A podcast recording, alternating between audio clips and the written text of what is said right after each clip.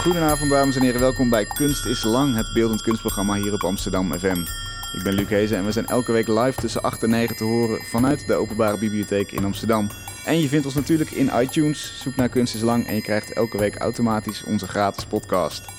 Vanavond is de gast ingevlogen vanuit Spanje Dick Verdult. Hij is filmmaker, muzikant en beeldend kunstenaar. Zijn werk kan dan ook in allerlei gedaantes verschijnen. Een tekening, een collage, een beeldhouwwerk, muziek of alles tegelijk in één grote installatie. Constante factor is een rauw, ongepolijst karakter en een borrelende energie. Die draait om maken, nog meer maken en dan snel weer verder gaan, volgens mij. We gaan zo horen of dat klopt. Ben je benieuwd naar het werk van Dick? Kijk dan naar mrmotley.nl. Amsterdam FM! Ja, Dick, leuk dat je er bent. Ja. Klopt dat een beetje? Een, een, een, uh... Ja, alle versies zijn mogelijk, maar deze is een goede. Oké, nou dat is alvast fijn om te horen. Ja, een soort van borrelende energie die volgens mij niet ophoudt. Is dat, is dat jouw hoofd? Ja, eh, ook mijn lichaam hoor. Oké. Ik ben alweer iets sneller moe, maar ik til nog steeds uh, grote koffers. je reist veel inderdaad. Ja, ja, ja. Uh, laten we daarmee beginnen. Dat is een, mm -hmm. belangrijk deel van jouw biografie ook. Geboren in Eindhoven. Maar je vader die werkte bij Philips en je hebt allerlei delen van de wereld gezien. Hè? Guatemala, Argentinië, Frankrijk, Zuid-Afrika. Ja. Uh, je deed in Parijs de opleiding film en beeldende kunst. Ja. in de jaren zeventig nog. Precies. In de roerige jaren zeventig Ja, fantastische jaren. Fantastisch. Ja.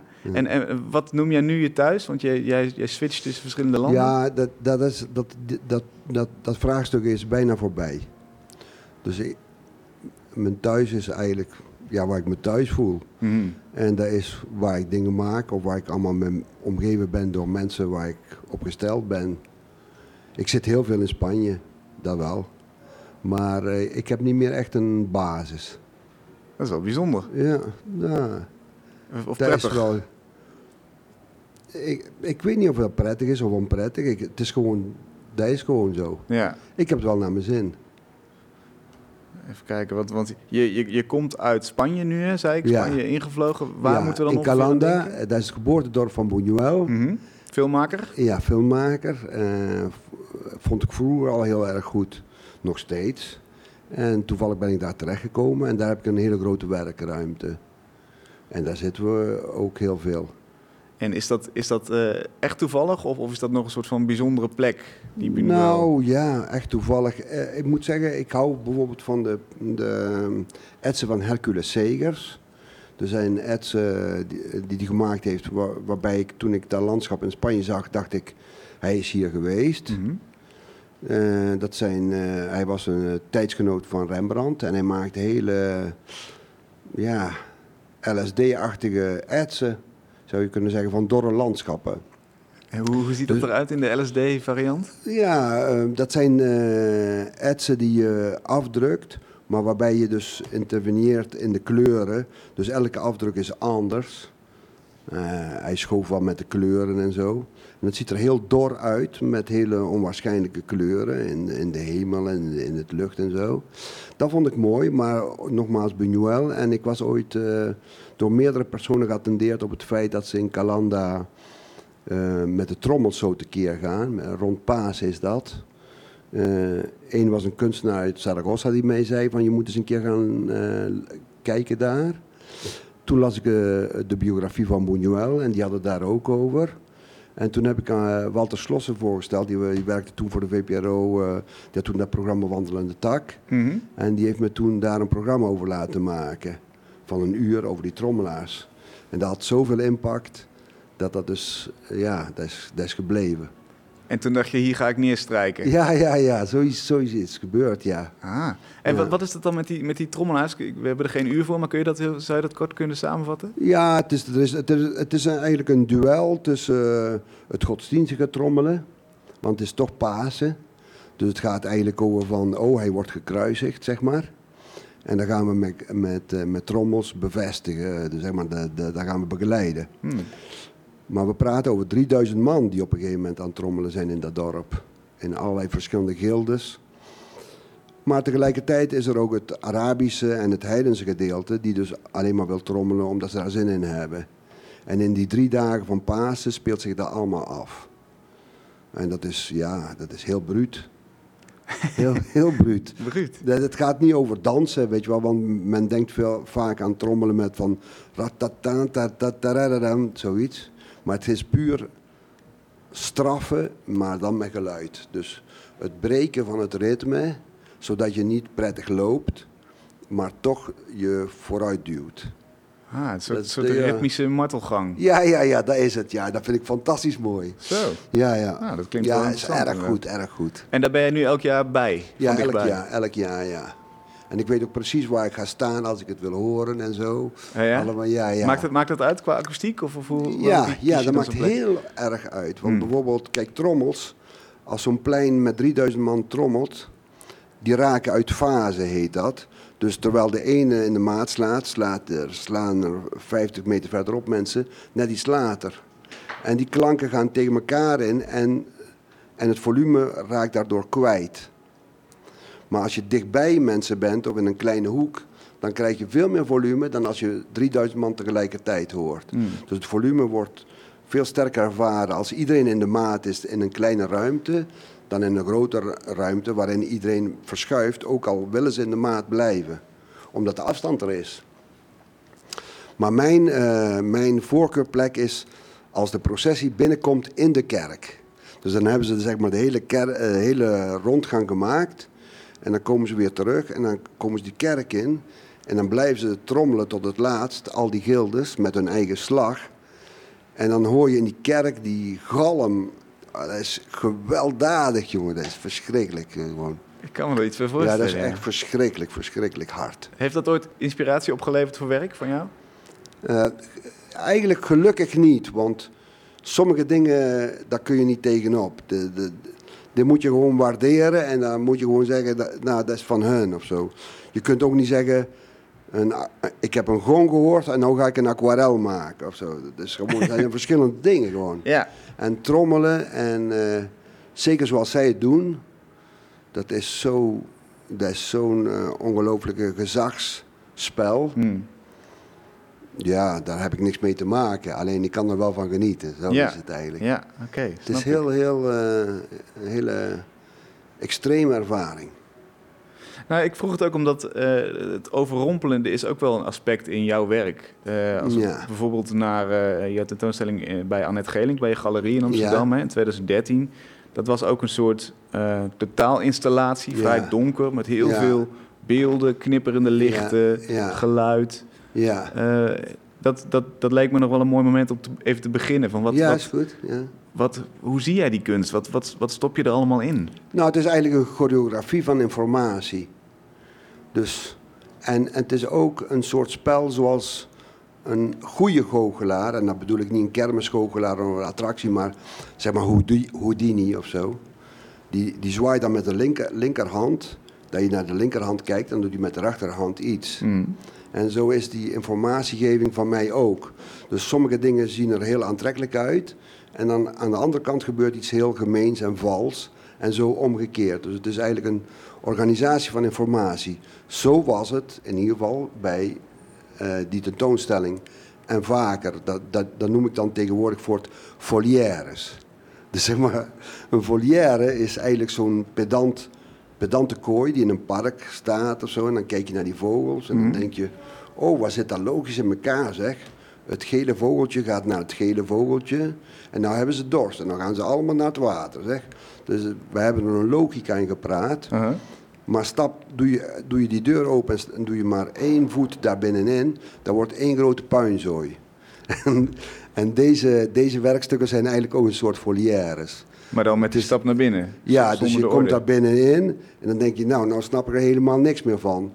Maar je moet natuurlijk altijd zo maken dat, het, dat, je, dat je een binding houdt met degene die het absorbeert. Mhm. En dan gebeurt er iets, neem ik aan. Ja. ja. En, en ehm, laten we zeggen, een dag voordat het af is, hè, dan loop je rond in zo'n in zo'n kamer. ja. Be- Bedenk jij dan, dit zou een kijker kunnen denken als ik zo rondkijk? Of hoe, hoe Nee, wat hij af? denkt, wat hij denkt maakt me minder uit dan de verschillende intensiteiten. Hmm. Dus dat hij soms denkt, oh wat leuk, en dan bats. En andersom.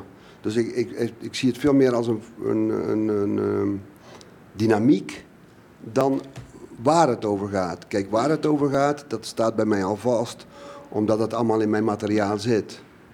Dus zeg maar, uh, ik stuur daar niet uit van ik wil dit bewezen zien of ik wil dit overdragen. Nee. Dat zit al in alle elementen. Kun je daar eens een voorbeeld van geven? Uh, ja, bijvoorbeeld uh, in die tentoonstelling had ik filmopnames van een butagasleverancier in Valparaiso in Chile is dat. En dat is een heuvelachtige stad aan, aan zee in Chile. En die mensen stoken allemaal op met butagasflessen. En die verkopers die komen dan uh, die uh, butagasflessen aanleveren. Maar dan moet je horen, hij komt eraan. En dan zitten ze daar allemaal op die flessen te spelen, percussie te spelen. En dan reizen ze zo door die, door die heuvels heen. En dan hoor je dus allemaal die verschillende scooters met butagasflessen, met percussie allemaal. En... Uh, dat, dat was daar ook in dat werk. En het is voor mij een goed voorbeeld van een vervorming die ontstaat uh, uit een hele praktische uitleg. Dus ja, wie gaat er in godsnaam in plaats van op een koeienbel op een butagasfles spelen, weet je wel? Maar dat heeft een praktische reden en dat vind ik een hele mooie proces. Die vervorming. Dus als dingen een hele andere betekenis gaan krijgen, terwijl ze heel normaal zijn bedoeld. Ja, en, en dat, is, dat is bijna een soort van, uh, dat is, laten we zeggen, één intensiteit. Ja. Hè? Dus dat, dat zou één hoek kunnen zijn. Ja. En, en wat wil je dan, dan tegenover zetten om, dat, om daar iets anders van te maken, om contra contrast te creëren? Uh, wat je dan bijvoorbeeld had in die zaal was en lampen en een paar chique beelden, zou je kunnen zeggen. En ook bijvoorbeeld een meisje op een uh, carnavalskoets in de binnenlanden van Argentinië. En die, dat meisje zat te wachten op haar beurt. Dat wil zeggen, die carnavalskoets moest nog naar buiten komen, zeg maar. Die moest nog de parade op. En uh, je zag dat meisje, die was nog ja, 14, 15 jaar of zo. Maar ze was gekleed als een 18-jarige of een 20-jarige sexy danseres, zeg maar, mm -hmm. zoiets. En, uh, en uh, ik zat toen echt gefocust op haar gezicht, omdat je dus zag die verschrikkelijke zenuwen van die blootstelling aan die gigantische menigte van een te jong meisje in een te sexy carnavalspak. Dus dat, dat vind ik wel een ontzettend hard contrast. Ja. Maar een contrast waar je eigenlijk heel slecht mee uit de voeten kunt. Want ja, ze was mooi, het pak was aantrekkelijk. Ja, het zag er allemaal wel goed uit, maar het was ook gênant. En dat bleef ook lang hangen zo. En dat zijn allemaal de ingrediënten waar ik mee werk. Een soort simultane informatie waar, um, waar je een evenwicht moet vinden in dat het uh, en ongemakkelijk is, maar ook fascinerend om naar te kijken. Ja. En dan heb je ergens gezegd in, in uh, Metropolis M, een jaar Ja, later. ja. Uh, ik heb heel veel verschillende perspectieven te bieden. Mhm. En die wil ik graag laten zien. Dat is gezond. Men verdient verwarring, maar ze mogen er ook uitzwemmen. Vond ik een mooie Oh, uitspraak. Dat heb ik goed gezegd. Ja, dat heb je mooi gedaan. Ja, ja, ja, ja. Wat, Maar kijk, eh, eh, ehm, het is inherent aan de manier waarop ik ben ehm, grootgebracht. Namelijk gewoon, ik ben zo, je zou kunnen zeggen, twintig keer verhuisd mijn eerste twintig jaar. Dus ik heb eigenlijk een leven geleid in die twintig jaar, waarin ik zag hoe de andere mensen dingen anders zagen dan ik. Mhm. En waar ik in moest kiezen, ga ik dat ook vinden of niet? Ga ik me aanpassen of niet? Dus die perspectieven van die mensen en de perspectief van mij was verschillend. En daar kon ik uit kiezen of ik dat wilde doen of niet. Dus ik ben erg doordrongen door, uh, door, door, door het feit dat één situatie vele perspectieven en uitleggen kent. En die allemaal even uh, acceptabel zijn. En dat is iets waar wij in onze manier van doen niet goed mee om kunnen gaan. Dat heet dan ineens heel tolerant zijn. Mm -hmm. Maar dat is dan, oeh, wat een goede eigenschap. Hij is heel tolerant, want hij begreep wat de andere voelde. Maar ik, ik heb niks anders dan dat gedaan. En ik vind dat ook heel leuk om dat zo te bieden. Ik vind het heel leuk om mensen hele andere perspectieven op eenzelfde ding te bieden. Ja. En um, dan zeg je, ik, ik, ik gun ze de verwarring. Dat, ja, dat... natuurlijk, want die verwarring is, is uh, in, in eerste instantie kan dat ongemakkelijk zijn, maar eigenlijk is het een stap naar uitstappen uit de gevangenis waarin we allemaal zitten. Want je ziet het feit dat je één waarheid hebt, één perspectief, is voor jou een gevangenis. Ja, dat is zeker een gevangenis. Hij is wel comfortabel, maar het is wel een gevangenis. Je staat pas voor lul als je ergens anders bent en je gaat met diezelfde waarden van jou functioneren. Hmm. Dan, dan, dan zie je ineens wat die tralies waren. Ja, precies. Ja. Uh, wil ik het zo nog even wat, wat verder over hebben, verderop in de uitzending. Maar um, dat verdienen van verwarring, geldt dat ook voor, voor jouw werk? Is dat ook belangrijk in de kunst? Nou, kijk, verwarren, ik, ik, het gaat mij niet om het verwarren. Het gaat mij om een werkelijkheid weer te geven die verwarrend is. Hmm. Daar kan ik niks aan doen. Maar verwarren zou ook kunnen betekenen dat je aanstellerige theater doet met paarden of zo. En ineens een vlam vanuit achter of zoiets. Dat gaat wel heel ver hoor, ja, met paarden. Ja, maar dat heet dan Furia del Baus of zoiets. Weet uh Oeh, wat was ik verward. Maar daar gaat het eigenlijk niet over. Het gaat over de optie hebben dat je andere manieren van zien hebt op eenzelfde ding. En, en dan zeg je ook nog, ik, ik blijf even een paar, uh, paar quotes ja, strooien, want ik, ik vind het heel goed. Uh, al die verhuizingen in mijn jeugd hebben me geleerd om slordig te leven. Ja. Nederlandse van dingen netjes afmaken heb ik niet. Nee. Nee, ik heb helemaal, ik maak niks af. en dat is eigenlijk wel goed, uh, tenminste. dan zit er nog leven in, zo zou je kunnen zeggen. Als het echt radicaal ingelijst is, met glas ervoor en schoongeveegd, dan is het ook klaar. Dat is soms wel belangrijk. Als je iets belangrijks te zeggen hebt, is dat zeker uh, aan de orde. Mhm. Maar ik leef gewoon graag. En niet zo dat ik dus de hele tijd van die hele mooie lijkjes aflever. Ja. ja. Dus, dus, dus, daar zit een beetje de haast in, het, het maken en, en nou, doorgaan. Het is, ja, het is geen haast, maar het is elke keer ervaar je gewoon van, ah, er is nog een andere variant op en zo. Ja. Het is ook wel een honger hoor. Ja, precies. Het is ook wel gewoon uh, niet verslavend, maar het is. Ik heb er veel te veel plezier uh, van. Ik, ik heb gewoon veel te veel lol eraan om dat te doen. En, en de afwerking is, dan, is dan van minder belang? Ja, minder van belang. Kijk, de afwerking gaat zover als dat het over kan brengen wat de intentie is en dat hij die aandacht kan vasthouden bij degene die er naar kijkt. Als dat er is, dan hoeft het niet nog perfecter. Ja. En die, die inbreng van de kijker is belangrijk volgens mij in jouw werk. Ja, ja, ik heb wel bij elk werkstuk denk ik wel vaak aan iemand. En uh, is, dat is, voor mij is dat wel belangrijk, omdat ik me dan verheug van... Uh, oh, hoe zou je daarop reageren? Of wat zou je denken? Of wat zou je eraan associëren? En dat is gewoon een gereedschap. Want ik, ik bedoel het niet per se voor die persoon, hoewel het soms zeer treffend raakt. Uh, maar uh, het is meer een manier om. Uh, het is een boei waar je naartoe kan varen terwijl je aan het maken bent. Kun je daar eens een voorbeeld van geven? Van, je zei net, soms raakt het heel treffend. Heb, heb je een voorbeeld van wanneer het heel goed lukte? ja, ja, ja, ja, kijk. Ja, dat, dat kan ook heel kwaadaardig zijn. Dus ik denk, nou, dat zal hij wel goed vinden, dit werkstuk. En, en, en dan maak ik daar echt in, in, de, in, eh, in de optiek dat die persoon het erg goed gaat vinden. Wie, uh, doe eens een voorbeeld. Nee, ja, je hoeft geen namen te noemen, maar een type persoon of zo? Of hoe bedoel je Nee, nee, gewoon dan heb ik een werkstuk gemaakt en denkt hij... oh, dat zal hij wel heel erg goed vinden. En, uh, en, dan, en dan komt die persoon naar me toe. Dat ding, dat heb ik dat, dat vind ik fantastisch of zo. Hè? en dan, dat is gewoon, ja. En dan heb je hem. ja, ja, dat zijn interne lolletjes. Mhm. Maar uh, dat is meer, kijk, als je, als je bijvoorbeeld schrijft, dan, dan doe je dat nooit met een botte potlood.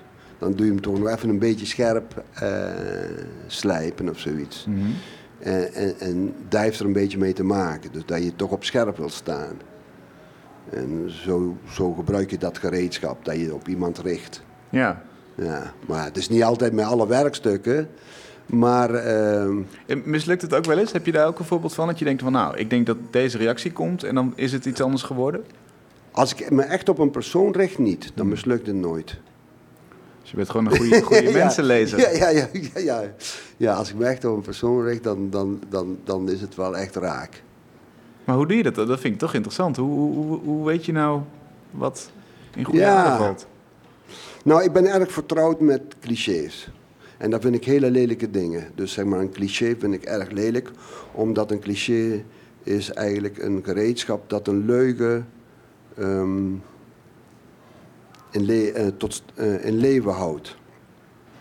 Zeg maar, dankzij de cliché zijn steeds heel veel leugens blijven in leven. Hmm, worden niet ontkracht. Ja, ja worden niet ontkracht.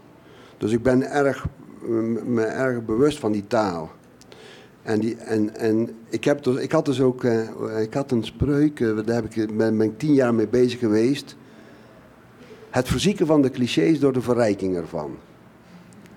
Dus zeg maar, Verzieken een- van de clichés. door de ja, dus verrijking een, cliché verziek je doordat je hem nog meer facetten geeft dan waar, waar, waar hij mee nog zou kunnen functioneren. Mhm.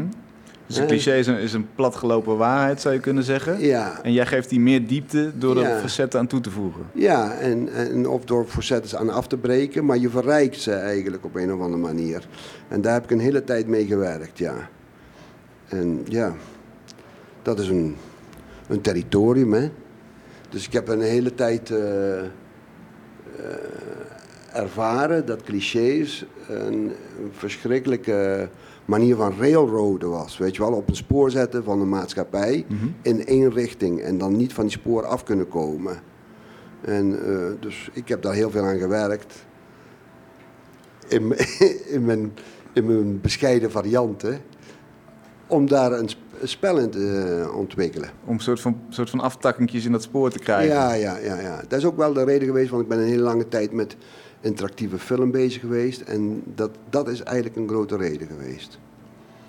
Dus interactief niet als zijnde van, wat gaat hij nou doen? Gaat hij naar links of gaat hij naar rechts? Maar meer dat dus eh veel scènes op een andere manier te interpreteren waren, omdat ze juist minder cliché aan het worden waren. Eh, ja. Vereist een hele actieve rol van, van zo'n kijker. Ja, dat is zo. Als je dat niet doet, dan, ja, dan, kun je, dan ben je een babysit. Weet je wel, dan, dan kunnen ze gaan slapen gewoon. Juist. Ja, Dan zeg je, dit is het uh, Ja. voorgekoud en uh, slik het maar ja door. kijk, als ja, ik, ik bied iets anders dan dat ze gewoon tot rust komen, zeg maar. We gaan even niet tot Ja, rust dan moet je komen maar met voor naar de Dela gaan, dragen elkanders lasten. Tela, de uitvaart. eh, eh, toch? De uitvaartverzekeraar. Goed, genoeg reclame. We gaan Iemand, wacht even, iemand die niet nieuwsgierig is, die is al dood. Mooi. Gaan we even over nadenken tijdens de Ja, muziek. ja, ja. Eh, Lekker, hè? Ja, zeker. Het is wel, wel ook een mooie tegel. Ja, ja Die- mooie tegel, die- ja. Ja, hij, schu- hij, vindt het geen cliché, maar hij, hij schuurt er tegenaan. Ja, ja, ja, Eh, nog nog, nog net aan de goede kant. Eh, we gaan even luisteren naar muziek. Je hebt een nummer van jezelf meegenomen. Cada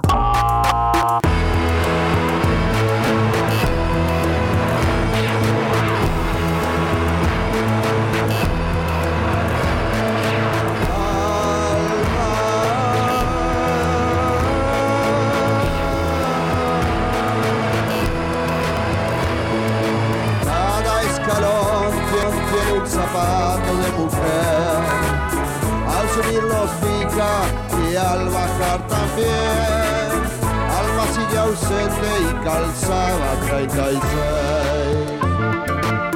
La que tanto amaba y odiaba a la vez. Pegando la miraba y al llorar también.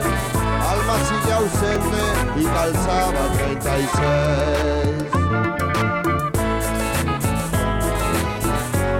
Y calzaba 36. Y calzaba 36. Alma,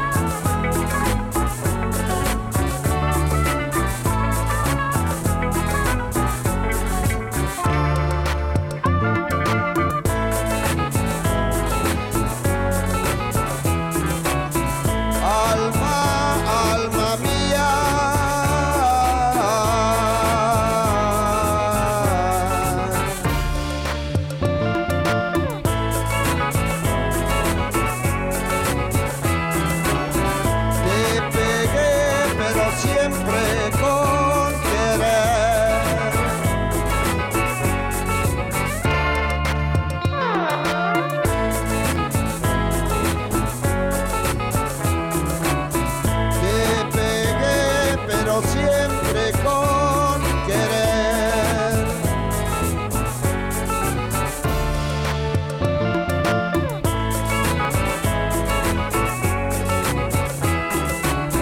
Alma, alma mía.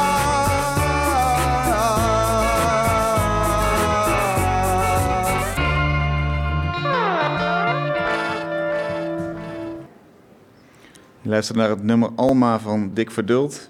En je luistert naar Kunst is Lang vanavond met filmmaker, muzikant en kunstenaar Dick Verdult. Ofwel Dick El Demasiado, hè? Ja, ja, Dica Demasiado. Wat, wat- betekent dat uh, weer precies? Het is, eh, in principe eh, ben ik erop gekomen omdat ik van alliteraties hou. Dus als er een, rijm is door de klank van de letters, zeg maar, Dic el Demasiado. Net als Laura de Lange of D en D.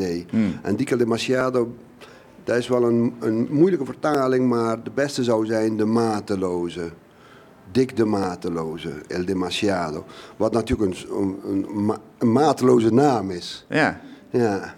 en, en die past volgens mij ook in, in, in de ja, hij hoeveelheid past heel erg goed in de impact van mijn songs. Ja, En ook in wat ik gedaan heb, omdat ik dus eigenlijk heel brutaal in Argentinië, waar ik dus ook een hele tijd van mijn jeugd heb doorgebracht. In Argentinië heb ik dus aan een muziekstijl, een volkse muziekstijl gewerkt en dat volkomen vervormd. En eh, in, in een tijd dat ze dat helemaal niet eh interesseerde, want het was eh, de muziek van de dienstmeiden, zo heette dat dan zo'n beetje. de cumbia Ja, de cumbia, over, ja. Dus eh, toen, als Dica de Machado was dat een ongelooflijke, ja, lompe binnenkomst. En dat werkt ook heel erg goed, want Dica de Machado, dat, be- dat betekent dus de mateloze. Dus als ik dan ook ergens uitgenodigd ben, word, dan mag men ook nooit meer klagen of zo, weet je wel. Als ik mijn eigen misdraag, en nou misdraag ik mijn eigen niet, maar als ik nou te veel praat of te lang speel of te hard ben of wat dan ook. hebben ze om gevraagd. Ze hebben ze om gevraagd, weet je wel. Dus dat is echt een fantastische naam. En, en ehm, is het dan zo dat zij denken, wat, wat, wat doet die rare eh, Hollander? Want ik neem aan dat je, dat je zo toch wel een beetje gezien wordt daar. Wat doet hij met onze volksmuziek? Of, of? Nou, eh, er zit een aspect in wat fantastisch was en wat in mijn voordeel werkte.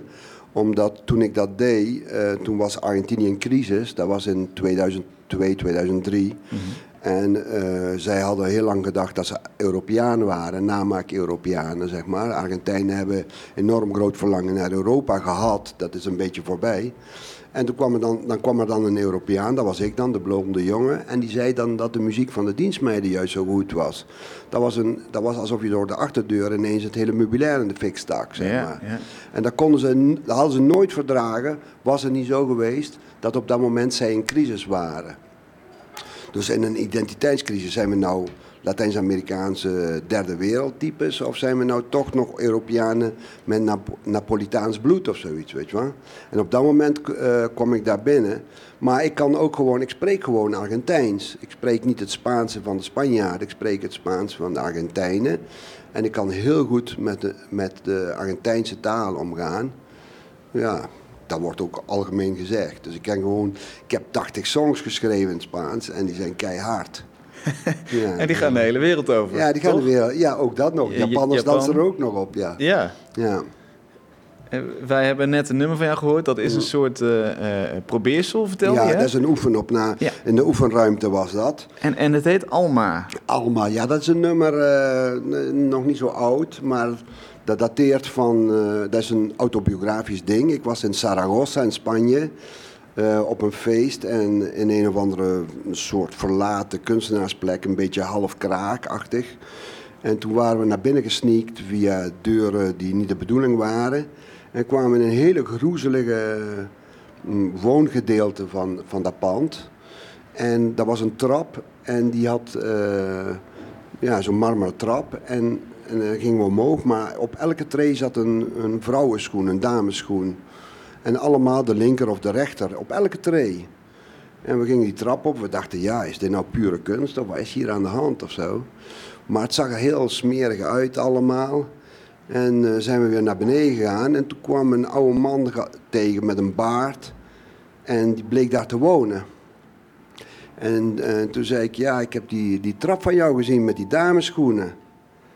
En toen zei hij, allemaal maat 36, zei ik.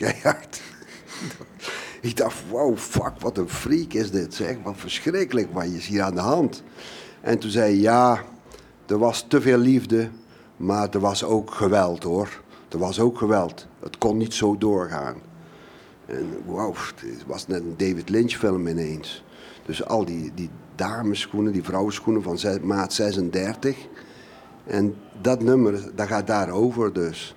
Dus ehm, ik heb ze maar allemaal, de naam Alma gegeven, omdat Alma ook ziel betekent. En eh, En we- nog heel even op, op Ja. die, eh, die scène, zou bijna een zeggen. verschrikkelijk gruwelijk verhaal. Crime scene. Ja, ja. Ben je weggeslopen of, of heb je... Heb je... Nee, ik keek echt die. Ja, ik vind dat wel. eh, Zo'n momenten kijk ik echt mensen recht in hun gezicht aan. En dan. Ja, dan wil ik toch wel echt de waarheid zien, laat ik maar zeggen. Ja. Ja. Ik, ik was een keer in eh, Austin, in Texas, bij de Bottle Surfers. En er was een interview met Rocky Erickson. De Butthole Surfers, Ja. is een Amerikaanse band. Ja, een Best gro- grove teksten, Ja, ja, ja, ja. En er was een uitzending en daar zat Rocky Erickson in. Die was van de 11th Floor Elevator of zoiets. Een cultband. En daar zat een, eh, een Zweedse jongen bij en die zat hem te interviewen. En die zat er heel trots bij te kijken, zo van, ik zit bij die cultgast, zit ik hem te interviewen of zo. En die man die had heel veel paranoia en heel veel angsten en zo. Maar die liet zich door die Zweedse jonge knul een beetje interviewen en zo. En, eh, en eh, nadat die hele interview achter, achter de rug was, live op tv, zei die Rocky Erickson, dus die zanger van die band. En and now you show your face of utmost pain. Laat jij nou eens je gezicht zien van de verschrikkelijke pijn die je hebt of zo. Hè? En die gast die wist niet waar hij moest kijken natuurlijk. Hè? En die, die, die, die ging, oh, die, dat was ook helemaal, helemaal kapot. Met die ene zin. Hmm. Nou, dat soort momenten, als, als zo'n zo'n gast dat zegt van die maat 36, dan kijk ik ook wel op zo'n manier naar zo iemand eigenlijk. Ja, precies. Ja, dat wil ik toch wel absorberen. En, en vastleggen dus in, in zijn tekst. Ja, in deze song, ja. Dus, dus je hebt, Ja. eh, je hebt de, de liefdesscène beschreven? Of wat, wat, wat is Ja, het is eigenlijk een liefdescène, maar het is ook een beetje gebaseerd op een, een film van ehm Lon Chaney.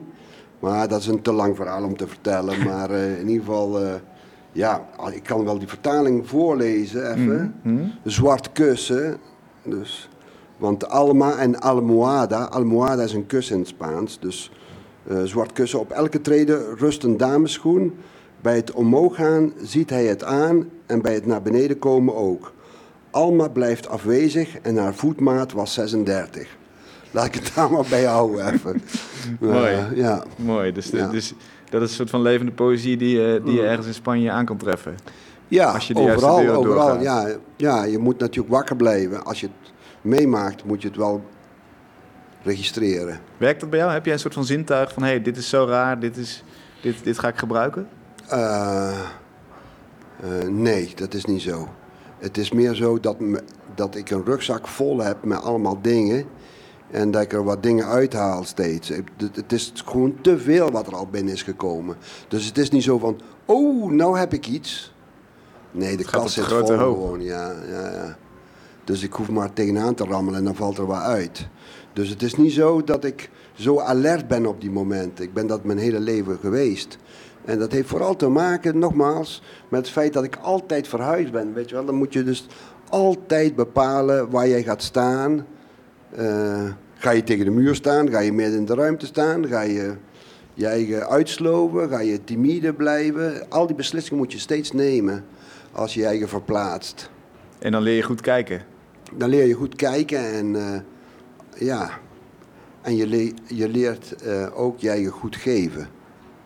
Dus kijk, eh, je, je, je, deelt, je, je, je doet niet mee ergens aan als je niet ook wat zelf geeft. Dus dat moet je ook doen.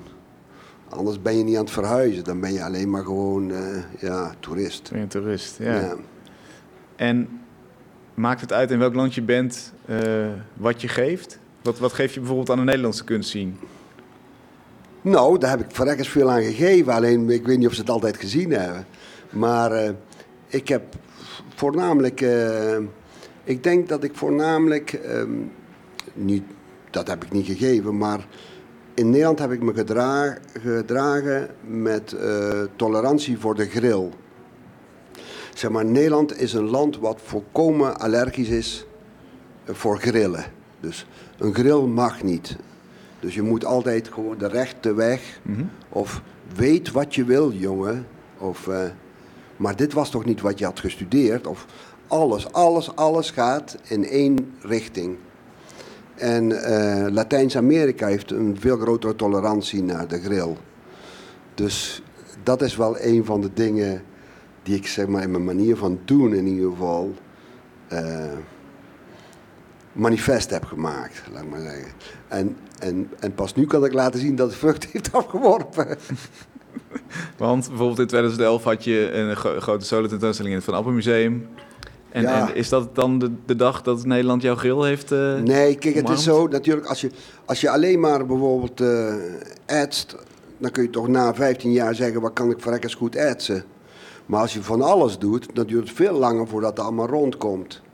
Dus je moet een groter geduld hebben om dat allemaal bij elkaar te krijgen. Ja, dat is dus gewoon praktische wet.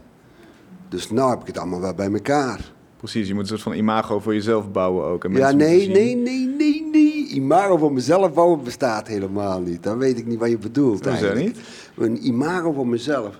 Dat is, dat is toch het beeld wat, je, wat men van jou heeft? Dat kan, toch, dat kan kloppen of dat kan niet kloppen. Nee, dat, is, dat, is, eh, dat snap ik eigenlijk zelfs niet eens. Ehm, eh, ik gedraag me naar zoals ik ben. Mhm. Ik doe mijn best om daar ook uit te dragen, laat ik maar zeggen. Om Ja. daar de rijkdom van te geven, mocht die er zijn.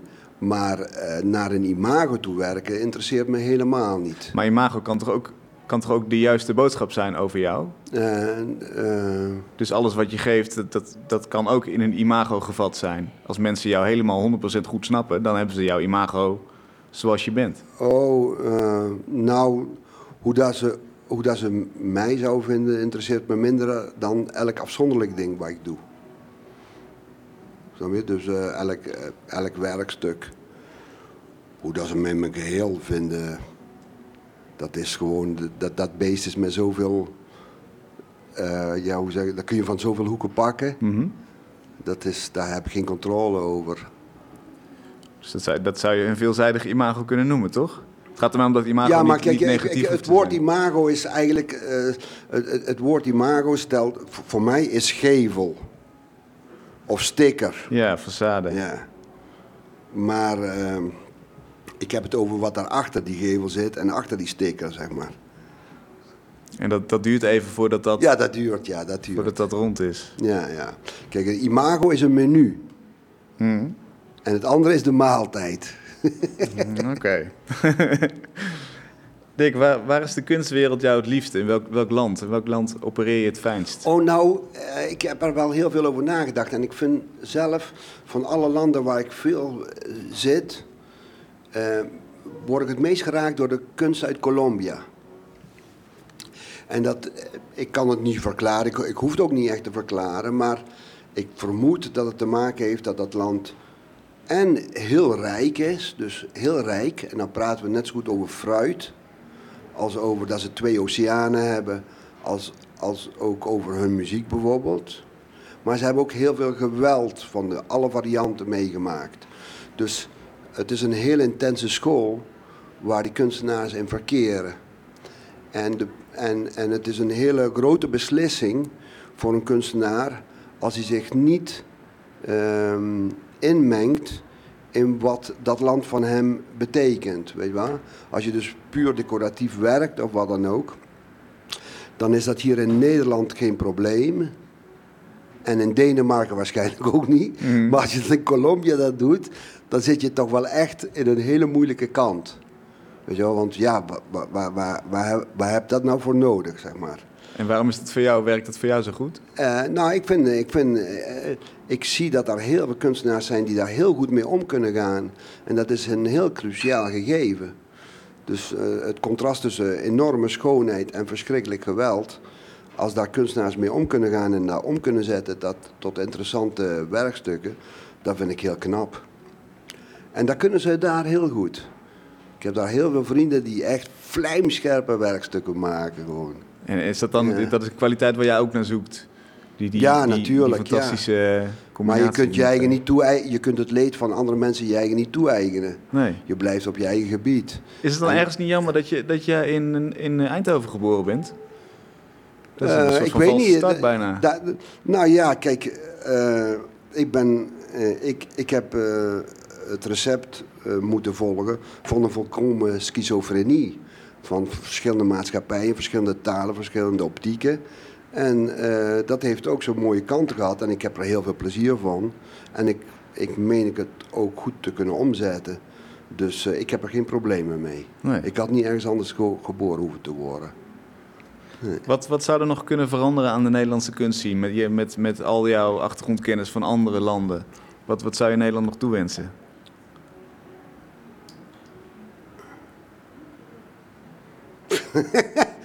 Dat is een verrekkers moeilijk iets. Kijk, veel, veel, veel Nederlandse kunst is echt ook Neder- Nederlandse kunst. En dat gaat over eh, tussen vier muren en dat gaat over lekker of warm of oei.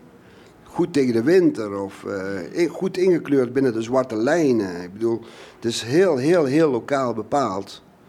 En eh, ik zou nu weten of het goed is als dat verandert. Ehm, het is een, een heel sterk eigenschap van Nederland. En dat heeft ook hele goede schilders opgeleverd en zo. Dus. Maar het kan ook als navelstaren Maar het is, ook wel, het is ook wel heel truttig. En hoe groter de wereld wordt, eh, of hoe, hoe, hoe- hoe meer dat we zien dat de wereld toch veel groter is dan die Nederlandse stoep, hoe meer dat dat zichtbaar wordt natuurlijk. En, eh, en, en, en dat is lastig. Want het, de geschiedenis ontwikkelt zich in een hele andere richting in dan dat dat gevierd wordt. Hmm. Dus we moeten misschien iets internationaler kijken, iets groter denken. Ja, maar dan ben je er nog niet. Want als je gewoon met diezelfde mentaliteit internationaal gaat denken, dan ben je nog steeds die lompe boer die fouten maakt. En Nederlanders maken heel veel fouten. Ne- Nederlanders zijn hele slechte onderhandelaars, tactloos en alles. Daar zijn ze niet goed in. Hoe, hoe- heb jij één, één tip om, om eh, het ergste kwaad eh, weg te nemen? Nou ja, niet zo. eh, Ja, ik denk dat daar, ik denk dat daar wel een, het, het, het protestantse gedeelte daar een groot deel van is. Weet je wel, dus die drang naar rechtvaardigheid, waarin de rechtvaardigheid alleen maar die is die, van, die zij vanuit hun raam kunnen zien, zeg maar. Hè? Dat dat enorm eh wringt. Dus ze zijn tegen corruptie, maar wat blijkt? Hier in Nederland zijn- ze ook ongelooflijk corrupt, alleen ad- administratief goed verklaard of schoongewassen. Terwijl eh, in Nigeria of in Bolivia of zo, ja, dan, is het, dan heeft het een veel pompeuzer karakter, zeg maar. Ja, het is meer een oppervlakte. Ja, maar eh, het is hier net zo goed aanwezig. En is iets meer bescheidenheid, zo, zo op zijn plaats. dat, zou, dat, zou, dat zou zeker op zijn plaats zijn. En eh, Ja, ik, weet- ik, zou niet, ik zou geen therapie weten om je te, om je te on-Nederlands. Jammer, jammer. Ja, dat is jammer. Dat is een lange cursus. Daar zit veel geld in. Dus, Gaan we dat nog is, even niet, over dat is niet in een workshop van tien keer een uur eh, te doen. Oké, oké. Nou, eh, bezoekers eh, en geïnteresseerden kunnen zich wellicht melden bij, eh, bij Dick Verdult Ja. op de website. We gaan even luisteren naar onze vaste rubriek, de regels via de radio. De regels via de radio.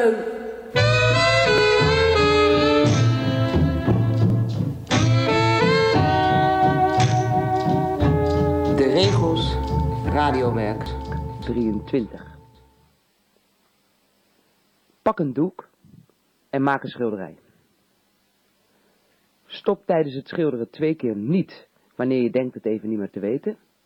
En, en bij de derde keer was je je handen en als je terugkomt maak je hem af of zie je dat hij al lang af was. Hang het doek aan de muur of probeer het te verkopen. Dankjewel. Ja, dit was de extreem korte regels van radio, onze vaste rubriek bij Mr. Motley, gemaakt door anonieme Amsterdamse kunstenaars. Heb je hier aan meegedaan en heb je hier een, een bewijs van, op wat voor manier dan ook, mail hem naar heske.mrmotley.nl.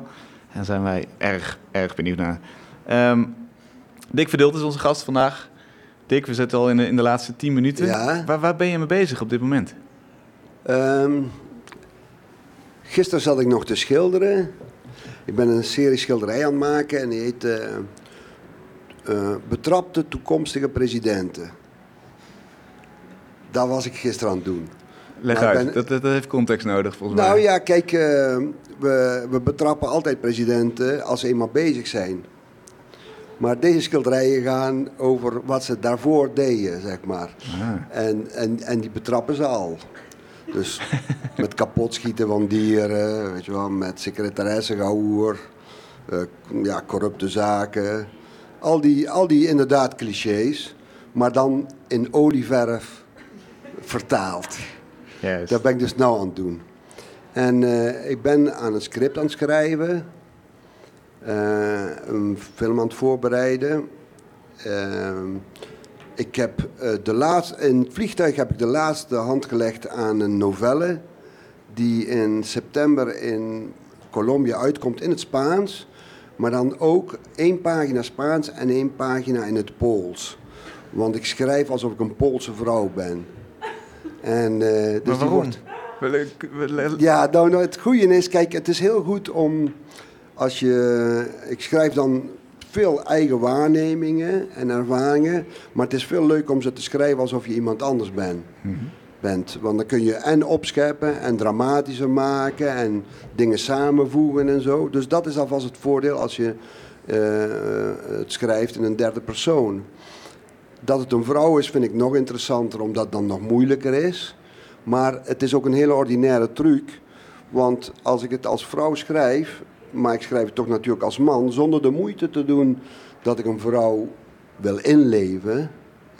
Dus ik ga niet doen, oh, een vrouw zou zo geschreven hebben. Nee, dat doe ik niet. Want ik doe net alsof het een vrouw is en dan denkt iedereen, wat een bijzondere lompe vrouw. Dus dat voordeel is er dan ook bij.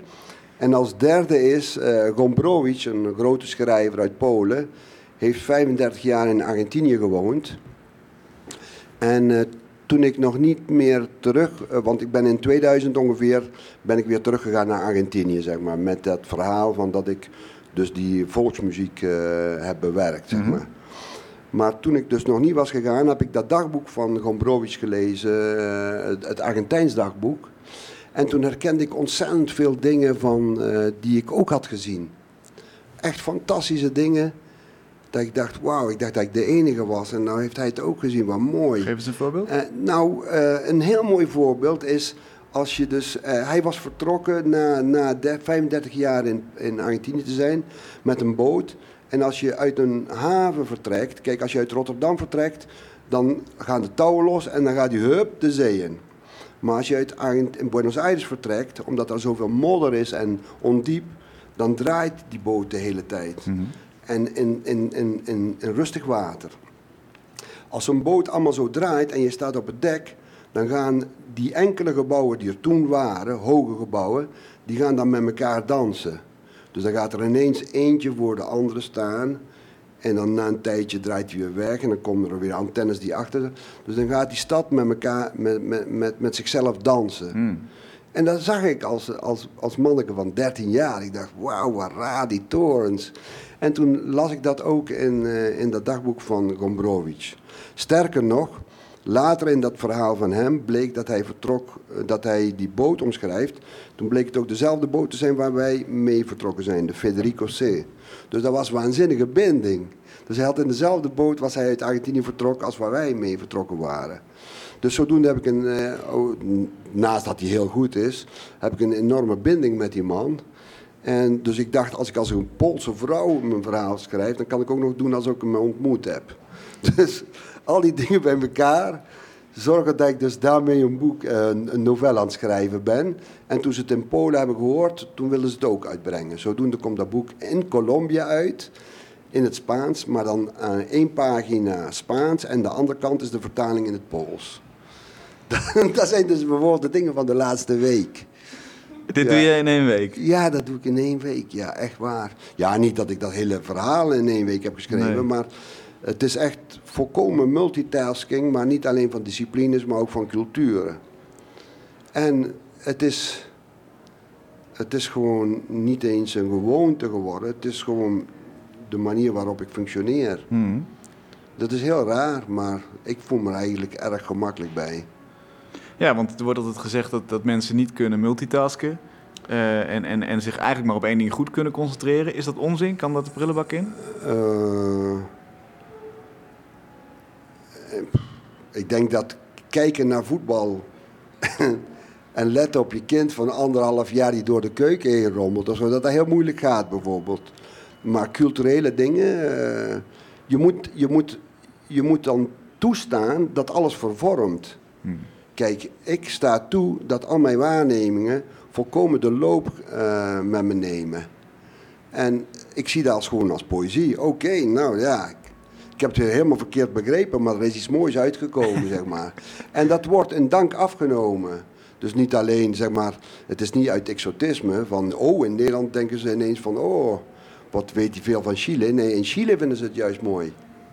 Want het is eigenlijk een buitenstaander die een hele andere kijk kan geven op je eigen omgeving. En daar ben ik altijd geweest. Maar jij bent, jij bent continu die buitenstaander. Ja, ik ben altijd ja, volkomen, ik ben volkomen outsider, ja. En dat is ergens ook wel prettig. Of dat, dat... Ik vind dat wel fijn, ja. Maar je moet natuurlijk je eigen niet vervreemden van mensen natuurlijk. Maar eh, het geeft een enorme vrijheid. En eh, ja, als je het goed kan hanteren, kun je er heel veel mee. En het is één grote dichtbundel. Want het is allemaal volkomen vreemd. Ja. Ja. Wat, wat zijn nou dingen in je leven die jij laat liggen omdat ze te normaal zijn? Want je, je, je, je- Militaire dienst. nee, maar wat, wat laat ik liggen? Ik laat veel liggen. Ik ben heel slecht in het invullen van formulieren bijvoorbeeld. In het op tijd inleveren van dingen en zo. dat, is, dat is al te Ja, regelmatig. het zijn neuro ja, dat zijn neuroses die natuurlijk worden opgedrongen. En die, die, die moet je doen om te functioneren. Maar dat kost mij wel heel veel bijvoorbeeld. maar ja, dat is gewoon ook niet slordigheid, maar gewoon ja, onaangepastheid. Hè. Mhm. En maar zit er dan ook een soort van, van afkeer van dat rechtlijnige leven? Is dat, is dat wat al die perspectieven jou ook hebben, hebben opge, opgeleverd? Eh, nou ja, ik ben altijd wel vrij goed geweest in het lezen van de wetten, zeg maar. Dus als je dus gewoon naar een land gaat en dan denk je, oh, hier doen ze het allemaal zo. Maar is dat echt wel verplicht zo? En dan ga ik gewoon echt kijken in, de, in, in, in, hoe dat eigenlijk zou moeten zijn. Dan blijken er uitzonderingssituaties zijn. En die functioneren voor mij altijd. maar daar let nooit iemand op, omdat iedereen gewoon bezig is gewoon om in het gereel te blijven. Dat is gewoon niet, niet zozeer dat iedereen zo braaf is of zo, daar gaat mij niet om. Maar je ziet het gewoon niet. Dus, dus, dus oog voor de uitzondering en oog voor... Dat kan alleen maar een buitenstaander hebben. En, Dat is best tragisch voor de mensen die binnenstaander zijn. ja, Ja, maar goed, één stap buiten de volière Ja. en je bent een buitenstaander natuurlijk. ja, ja, ja. Ja, Nou, volgens mij moeten we dat eh, misschien dan wat meer gaan doen. ja. Ik adviseer het iedereen. maar dat kost wel veel tijd. Oké. Ja, En, en ja, je moet veel reizen waarschijnlijk. ja, ja ik, weet, ik weet het niet. Ik kan, bij mij heeft het zo gefunctioneerd. Ik hoop dat het ook kan zonder één kilometer af te leggen. Maar daar heb ik nooit eh, ervaring in gehad. Laten we dat proberen vanuit onze Ja. Nederlandse stoep. Dankjewel, ja, Dick. Ja, Dank voor de wisseling van perspectieven en eh, eh, vanuit eh, de Poolse vrouw gedacht. Dat is toch ook, weer nieuw in dit programma. ja dankjewel. Hè, Dankjewel, Dick. Dit was Kunst is Lang. Wil je thuis meer zien van Dick? Ga dan naar mrmotley.nl. Daar vind je artikelen en verwijzingen naar zijn werk. En volgende week zit hier schilder Gijs Vrieling. Tot dan.